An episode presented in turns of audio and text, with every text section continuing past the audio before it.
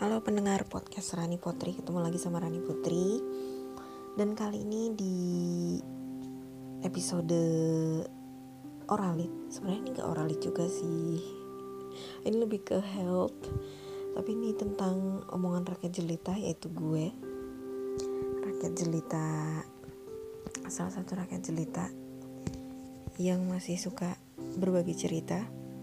Kali ini gue mau berbagi cerita tentang satu hal yang mungkin masih belum hilang dari ingatan uh, netizen Indonesia yaitu tentang fenomena hipospadia.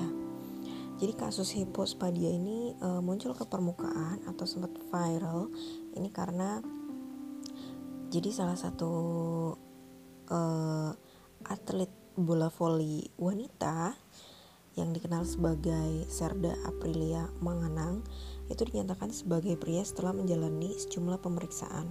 Padahal sebelumnya dia itu perempuan gitu atau dikenal sebagai perempuan dan bahkan kartu identitasnya itu juga perempuan. Tapi baru-baru ini belakangan beliau kemudian dinyatakan sebagai uh, laki-laki seperti itu. Dan ini beda ya. Jadi dia uh, dia itu mengidap satu kondisi yang cukup langka itu di dunia dan itu tuh kelainan bawaan lahir gitu. Uh, karena itu tadi mengidap kondisi yang disebut hipospadia. Jadi hipospadia ini beda ya. Ini berbeda dengan kondisi transgender ataupun intersex kayak gitu. Uh, dan konon saat ini update-nya adalah update terbaru mengenai Aprilia Menganang yang sekarang akhirnya sudah ganti nama jadi kalau nggak salah tuh namanya jadi Aprilio Perkasa Manganang. Ini lagi menjalani corrective surgery untuk mempertegas jenis kelaminnya gitu. Karena kan udah melalui berbagai pemeriksaan dan dinyatakan bahwa dia tuh pria. Bahkan namanya juga uh, sudah diganti jadi Aprilio gitu. Ada beberapa fakta yang perlu kita ketahui nih tentang hipospadia itu sendiri. Terutama untuk kita para calon ibu nih agar ketika misalnya one day kita dianugerahi atau dititipkan amanah sama Tuhan yang Maha Kuasa kita bisa lebih mengenal gitu. Dan maksudnya jangan sampai salah gitu kan ke anak kita karena itu berdampak gitu ya untuk ke depannya atau kehidupan anak kita berikutnya. Jadi untuk hipospadia sendiri ini ini gue melansir dari beberapa artikel yang gue baca ya. Salah satunya juga ada detik health gitu. Jadi yang namanya hipospadia kalau mengutip dari pernyataan Mayo Clinic, hipospadia itu kelainan bawaan sejak lahir yang ditandai dengan uh, lubang uretra berada di bagian bawah penis. Itu lubang uretra itu jadi um, untuk pipis itu loh, itu kalau untuk uh, lubang urin gitu. Nah, jadi bukan di ujung seperti pada umumnya gitu. Seperti pada umumnya yang dimiliki oleh uh, penis normal gitu. Nah, uretra sendiri yaitu tadi yang udah gue jelasin. Jadi dia saluran yang mengalirkan urin dari kantong kemih. Kayak gitu. Jadi di beberapa anak yang menderita hipospadia, tesisnya itu mungkin nggak sepenuhnya turun ke skrotum. Skrotum itu sendiri kantong buah zakar gitu. Nah, untuk gejala hipospadia, jadi ada beberapa gejala yang perlu kita kenali nih. Posisi bukaan uretra bisa ada di mana aja entah itu di pangkal bahkan ada yang di bawah skrotum gitu. Uh, terus ada beberapa gejala juga yang mungkin bisa jadi uh, catatan. Kayak misalnya bentuk penisnya itu melengkung ke bawah gitu atau kalau bahasa medisnya cordy. Terus bentuk kulit uh, ku, apa kulit yang nutupin ujung penis itu tidak menutupi kepala penis dengan sempurna gitu. Jadi tidak seperti uh, penis pada umumnya gitu ya atau normalnya gitu. Terus juga kalau pas pipis itu percikan urinnya itu nggak normal kayak gitu. Jadi itu mungkin perlu dikenali kembali. Untuk penyebabnya sendiri dari hipospadia ini hipospadia ini kan bikin apa ya identifikasi kelaminnya jadi ambigu gitu kan. Nah untuk penyebabnya sendiri ini bisa jadi emang karena kelainan bawaan lahir um, tapi memang masih belum bisa dipastikan sih penyebabnya gitu sama uh, para ahli gitu cuman kalau mengutip dari WebMD ada beberapa kemungkinan penyebab hipospadia. Yang pertama itu genetik, jadi dikaitkan dengan hmm, kayak misalnya orang tua punya riwayat hipospadia juga, jadi ada kemungkinan uh, bisa punya keturunan yang serupa itu atau dengan kelainan yang sama gitu. Tapi itu cuman kemungkinan ya, nggak nggak totally gitu, nggak nggak nggak totally pasti nih kalau punya anak pasti hipospadia lagi. Nggak gitu cuman ada potensi kayak gitu. Kemudian terapi tertentu misalnya kayak terapi hormon uh, kesuburan bahkan tuh itu juga konon bisa dikaitkan dengan peningkatan resiko dari hipospadia.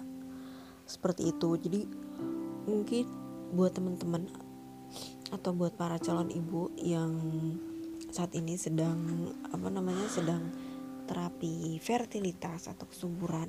Bisa dicek kembali mengenai uh, keamanannya gitu. Safety-nya seberapa gitu untuk untuk terapi tersebut. Atau mungkin bisa kalau mau lebih amannya ya bisa cek dulu atau konsultasi dulu sama uh, dokter gitu ya dokter terkait kayak gitu. Terus usia dan berat badan ibu saat hamil itu juga ternyata uh, ngaruh gitu atau relate ke uh, kondisi anak yang dilahirkan. Jadi konon resiko melahirkan anak dengan hipospadia itu bisa jadi lebih tinggi pada ibu hamil dengan usia di atas 35 tahun. Terus juga atau punya berat badan berlebih atau obesitas. Kayak gitu. Satu lagi, ini riwayat diabetes juga ternyata bisa meningkatkan resiko uh, lahir hipospadia ini ini nggak nggak mutlak ya tapi kemungkinan kayak gitu. Terus yang keempat ini juga bisa dari paparan racun kayak misalnya rokok dan pestisida. Jadi ternyata ini termasuk yang di gadang-gadang menjadi salah satu penyebab dari uh, kelainan hipospadia. Kayak gitu. Nah pengobatannya gimana sih hipospadia ini hipospadia ini untuk beberapa kasus yang ringan itu tidak membutuhkan operasi. Tapi untuk beberapa kasus terutama mungkin yang udah akut atau udah tahunan atau udah serius ini dibutuhkan yang namanya corrective surgery. Jadi ini oh, salah satu upaya medis untuk memperbaiki posisi bukaan uretra dan meluruskan bentuk penis gitu dan itu juga berapa kali surgery-nya beda-beda gitu. Jadi tergantung dari seberapa berat kasus hipospadianya. Kayak gitu. Jadi ada yang cuma butuh sekali aja korektif surgery tapi ada juga yang membutuhkan sampai beberapa kali surgery. Kayak gitu. Dan apa namanya yang pasti ini juga perlu di di apa dibarengi dengan yang namanya uh, mental terapi juga ya karena misalnya dia kayak perubahan dari selama ini dia dianggap atau di diperlakukan seperti perempuan karena memang mm, mungkin jenis kelaminnya kelihatannya seperti perempuan. Jadi kondisinya tuh kayak hipospadia itu jadi kayak uh, penisnya itu tertutup gitu atau bahkan ada yang bener-bener bener-bener kayak nggak kelihatan gitu. Jadi seolah-olah dia perempuan. Padahal sebenarnya dia laki-laki dan itu uh, resikonya cukup serius karena resiko di uh, kelainan apa namanya saluran kandung kemih bahkan juga kalau untuk yang lebih beratnya lagi untuk ke depannya atau masa depannya uh, di hubungan seksual gitu. Atau di sexual activity orang tersebut ke depannya seperti itu. Jadi emang harus segera ditangani dengan serius untuk masalah hipospadia ini. Jadi kita sebagai wanita, calon ibu nggak ada salahnya dari sekarang kita juga perlu tahu atau mempelajari resiko-resiko apa aja nih gitu yang bisa menyebabkan kelainan-kelainan untuk janin kita atau ya anak yang dilahirkan nanti kayak gitu. Jadi dari sekarang kita bisa mencegah juga agar hal-hal yang yang kurang baik itu tidak terjadi nantinya gitu atau ya semoga ke depannya kita bisa uh, punya buah hati gitu atau punya anak yang yang baik gitu. Maksudnya yang yang normal gitu. Karena itu juga nanti kan pasti berdampak ya ke diri anaknya. Tapi kalaupun misalnya nih memang kita ternyata dititipkan uh, seseorang yang mungkin berbeda gitu seorang makhluk uh, makhluk yang berbeda dari yang lain iya segala sesuatu pasti ada solusinya pasti ada jalannya. Jadi kita juga nggak panik atau bahkan mungkin yang yang paling buruk adalah nggak depres atau nggak desperate gitu sama keadaan yang ada gitu. Karena kan ya itu tadi kalau gue udah pernah bilang kita nggak bisa milih uh, who is our parent dan kita juga nggak bisa milih how is our kids ya kan? Thank you for listening. Uh, see you in the next episode kalau ada saran dan kritik boleh langsung aja ke Instagram gue di Rani underscore putri atau bisa juga langsung DM gue di podcast Rani Potri yang udah bisa didengerin di berbagai layanan streaming uh, podcast di Spotify, Google Podcast, iTunes, dan lain sebagainya. See ya!